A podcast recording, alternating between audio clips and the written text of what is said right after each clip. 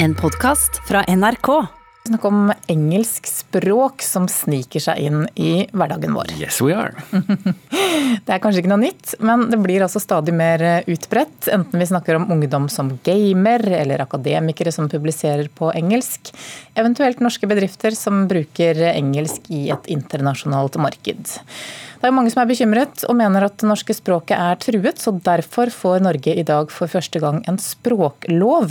Kulturminister Abid Raja skal i dag legge fram et lovforslag som bl.a. skal styrke det norske språket og hjelpe det inn i fremtiden.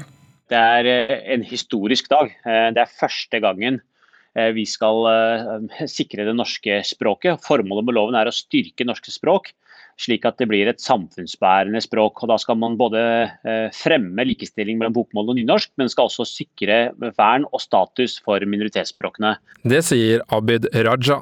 På dagen, 135 år etter jamstillingsvedtaket som likestilte nynorsk og bokmål, tar kulturministeren det ett steg lengre. Loven skal også både anerkjenne det samiske språket, eh, men tegnspråket i tillegg. Og ikke minst skal vi jo både fremme og verne kvensk, romani og robanes, som jo er også nasjonale minoritetsspråk i Norge. Den offentlige sektoren vil få nye plikter, hvor styrkingen av det norske språket står i fokus. Blant annet skal nynorsk innlemmes i fylkeskommunene, og det at Norge nå for første gang får en språklov, er viktig mener prorektor ved NTNU i Trondheim, Bjarne Foss. Det, det, er jo viktig for at språket For det første så er det en identitetsskaper, men samtidig så er det jo på en måte vår viktigste kommunikasjonsredskap. Og mm, dette lovforslaget her nå, hvor du både understreker dette med klart språk, og dette her med at klart språk skal leveres på ulike språk, norsk, nynorsk og ulike minoritetsspråk, det, under, det, det, hjelper jo hele kommunikasjonen, for å si det sånn, mellom personer, og også spesielt mellom det offentlige og oss som borgere. Lovforslaget skal også sikre fremtiden til det norske språket, for i en verden som stadig knyttes nærmere, følger språket etter. Olabokser er ikke lenger olabokser, men jeans. Spenningsfilmer er actionfilmer, og man er mer keen på å chille enn man har lyst til å slappe av. Raja poengterer at på visse områder så er det norske språks fremtid under et press. Vi vet at uh, norsk generelt er under press under fra engelsk, særlig når det gjelder uh, nye teknologier som kommer. Da er det viktig at vi har et bevisst forhold til dette gjennom f.eks. anbudsprosesser som man har. At man, at man sikrer seg at den teknologien f.eks. på helsesektoren som kommer, at, eh, at den forstår eh, brukernes språk. Eh, nå har vi ulike roboter man snakker til. Eh, har jo, alle har jo Siri på mobilen f.eks. Det er viktig at når man eh, får den type smarthus hjemme, og man får eh, digitale hjelpemidler på, på sykehjem, gamlehjem, kanskje i din egen bolig, at de forstår det språket man bruker. Reporter her det var Christian Arnesen Strømshoved. Det kommer meldinger nå på byråene, nyhetsbyrået AFP, om at flere mennesker er døde i en brann i St. Petersburg i Russland, på et sykehus der. Det er også nyhetsbyråer der som melder det. Vi kommer tilbake med mer om det når vi vet noe mer. Nå til det som er en eh, stor sorg for mange i år, nemlig at det ikke blir noen internasjonal eh, finale i Eurovision. Men vi må jo snakke litt om det likevel, for i år så er det over 60 år siden Norge deltok for aller første gang. Og Birger, vet du hvilken sang vi hadde med da? Jeg er altfor ung til å kunne svare på det. Regna med, med du huska det. Nei. Sangen er iallfall så god at mange husker den fortsatt. Og det som er spesielt, er at den ble skrevet av en helt ukjent mattelærer. Vi skal høre Linda Eide og Sjur Hjeltnes på piano fortelle oss mer. Visste du at en mattelærer står bak kanskje tidenes største norske Grand Prix-slager? Og at pengene fra sangen fremdeles renner inn til en organisasjon som en vel må kunne kalle ukristelig. Det hele starta høsten 1959. Hvem lager den beste norske slageren? NRK innbyr til konkurranse. Både profesjonister og amatører kan sende inn sine bidrag til konkurransen. Og i Oslo går det en amatør rundt og lurer på om han skal sende inn den festlige Vetle Pop-sangen han har kommet på. Og så gjør han det bare. Men på denne kvelden i februar i 1960, når NRK for første gang avvikler finale i Norsk Grand Prix, så veit vår mann ennå ikke om bidraget hans er kommet med. For slik er reglene. Komponisten er hemmelig. Så der står Nora Brogstedt. Og synger en sang som verken hun eller publikum eller jury aner hvem har laga. Ha! Slik var det da. Men alle er iallfall enige om at denne sangen er superfengende. Voi, voi, høyt opp i fjellet hører du denne hilsen fra meg. Voi, voi, jeg vil fortelle at jeg venter på deg. Alle elsker Voi Voi. Til og med NRK-kritiske Verdens Gang skrev Melodien er god fordi den har norsk farge og gir gode muligheter for en fin utnyttelse av kostymer. Den kan med hell presenteres av en norsk pike i kledelig samedrakt. Og da ble han jo! Voi, voi, om noen dager er det lørdag du vet. Voi,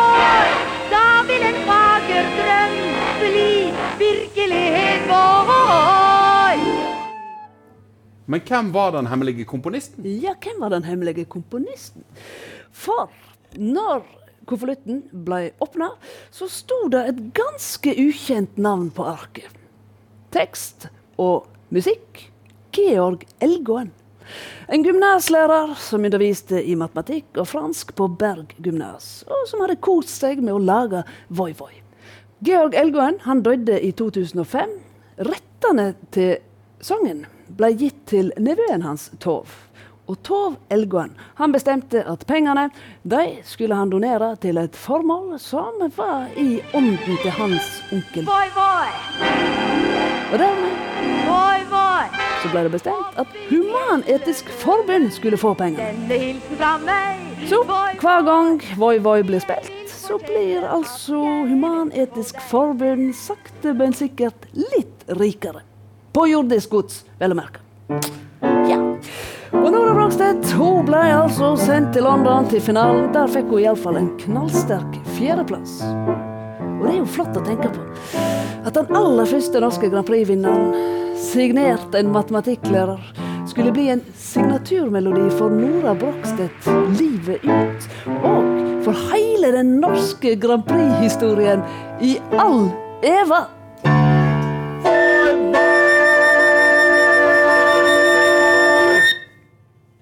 Linda Eide og Sjur Hjeltnes fortalte deg historien bak Voi Voi.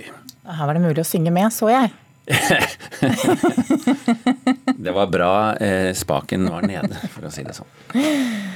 Det å være en del av den store folkemengden, marsjere og synge i barnetog med iskrem som drypper, holde rundt hverandre og klemme, eller sitte på overfylte fortausrestauranter med skummende glass. Sånn ser jo 17. mai ut vanligvis for mange, men ikke i år.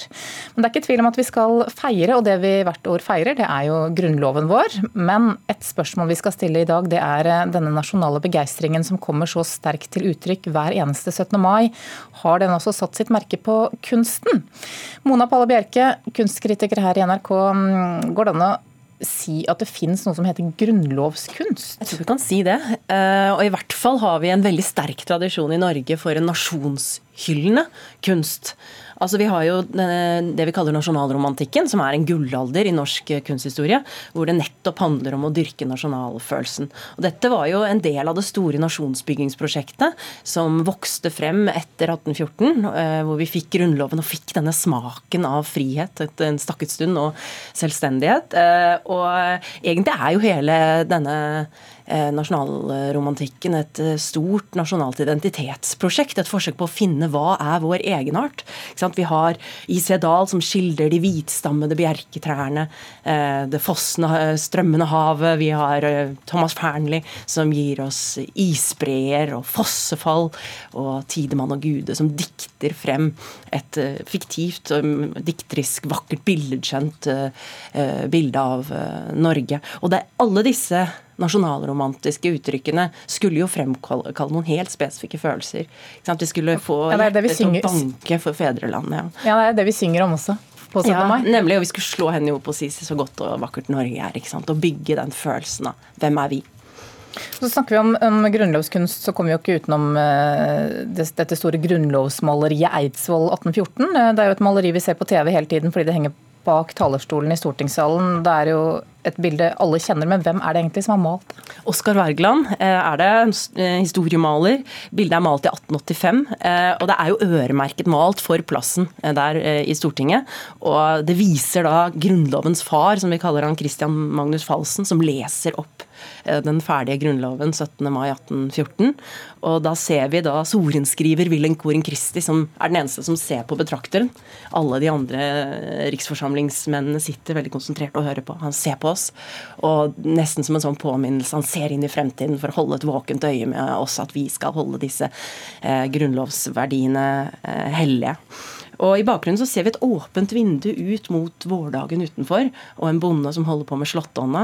Og dette er jo for å vise nærheten mellom riksforsamlingen og folket. Mm. Men er det sånn at Vi må gå tilbake til den eldre kunsten for å finne grunnlovskunst, eller finnes det noe grunnlovssamtidskunst? vi har noen riktig uh, fantastiske eksempler. Jeg er begeistret for Hedvig Ankers uh, prosjekt uh, Eidsvoll fra 2008. Hun er jo da, har bemerket seg med sine stillferdige, poetiske og vakre fotografier av tomme rom. Og I et av disse fra Eidsvoll-serien så har hun fotografert en dørkarm eh, og en dørsprekk og værelse innenfor. Men hun går så tett på sitt motiv da, at det blir helt umulig å se hva det egentlig viser.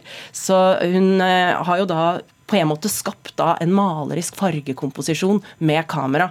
Eh, og fotografiet da blir jo på en, på en, måte så viser hun det fiktive i måten vi forteller om disse vårdagene 1814 og Grunnloven og alt det som har med riksforsamlingen å gjøre. Så hun viser hvordan det er en viss kanskje mytologisering rundt eh, disse hendelsene. Men samtidig som hun tar denne arenaen og denne bygningen som har en så utrolig stor betydning i norsk uh, historie. Mm, og så er det jo uh, Lars Rambergs toalett debatter som har skapt mye bråk. Hvordan kan tre offentlige doer være kunst som hyller Grunnloven? Ja, Det er det mange som har spurt seg om, og dette er jo et av de kunstverk i eh, norsk samtidskunst som har skapt mest spetakkel.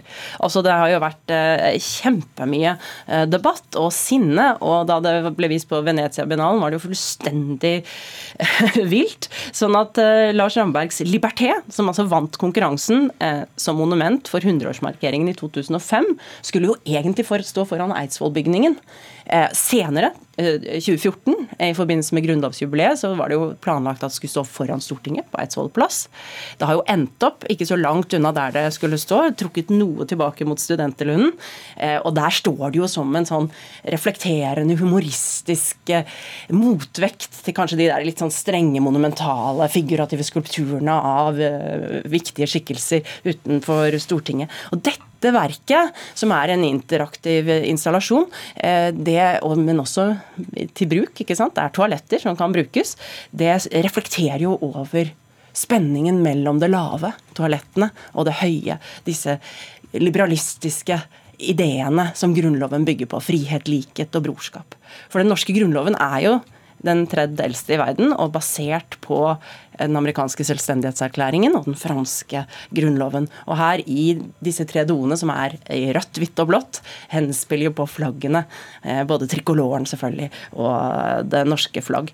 Og jeg tenker at dette, jeg anbefaler alle å ta seg en tur til Lars Rambergs eh, doer. Det kan jo være en del av en eh, litt alternativ og litt ensom kanskje 17. mai-feiring. Her kan man trekke seg tilbake hvis det blir for mye trengsel, og høre taler, da, som man da hører inni, fra Charles de Gaulle, kong Haakon 7., Franklin Roosevelt. og dette er også koronatrygt, for disse doene er faktisk eh, selvrensende. Ok, Takk skal du ha, kunstkritiker her i NRK, Mona Pale Bjerke.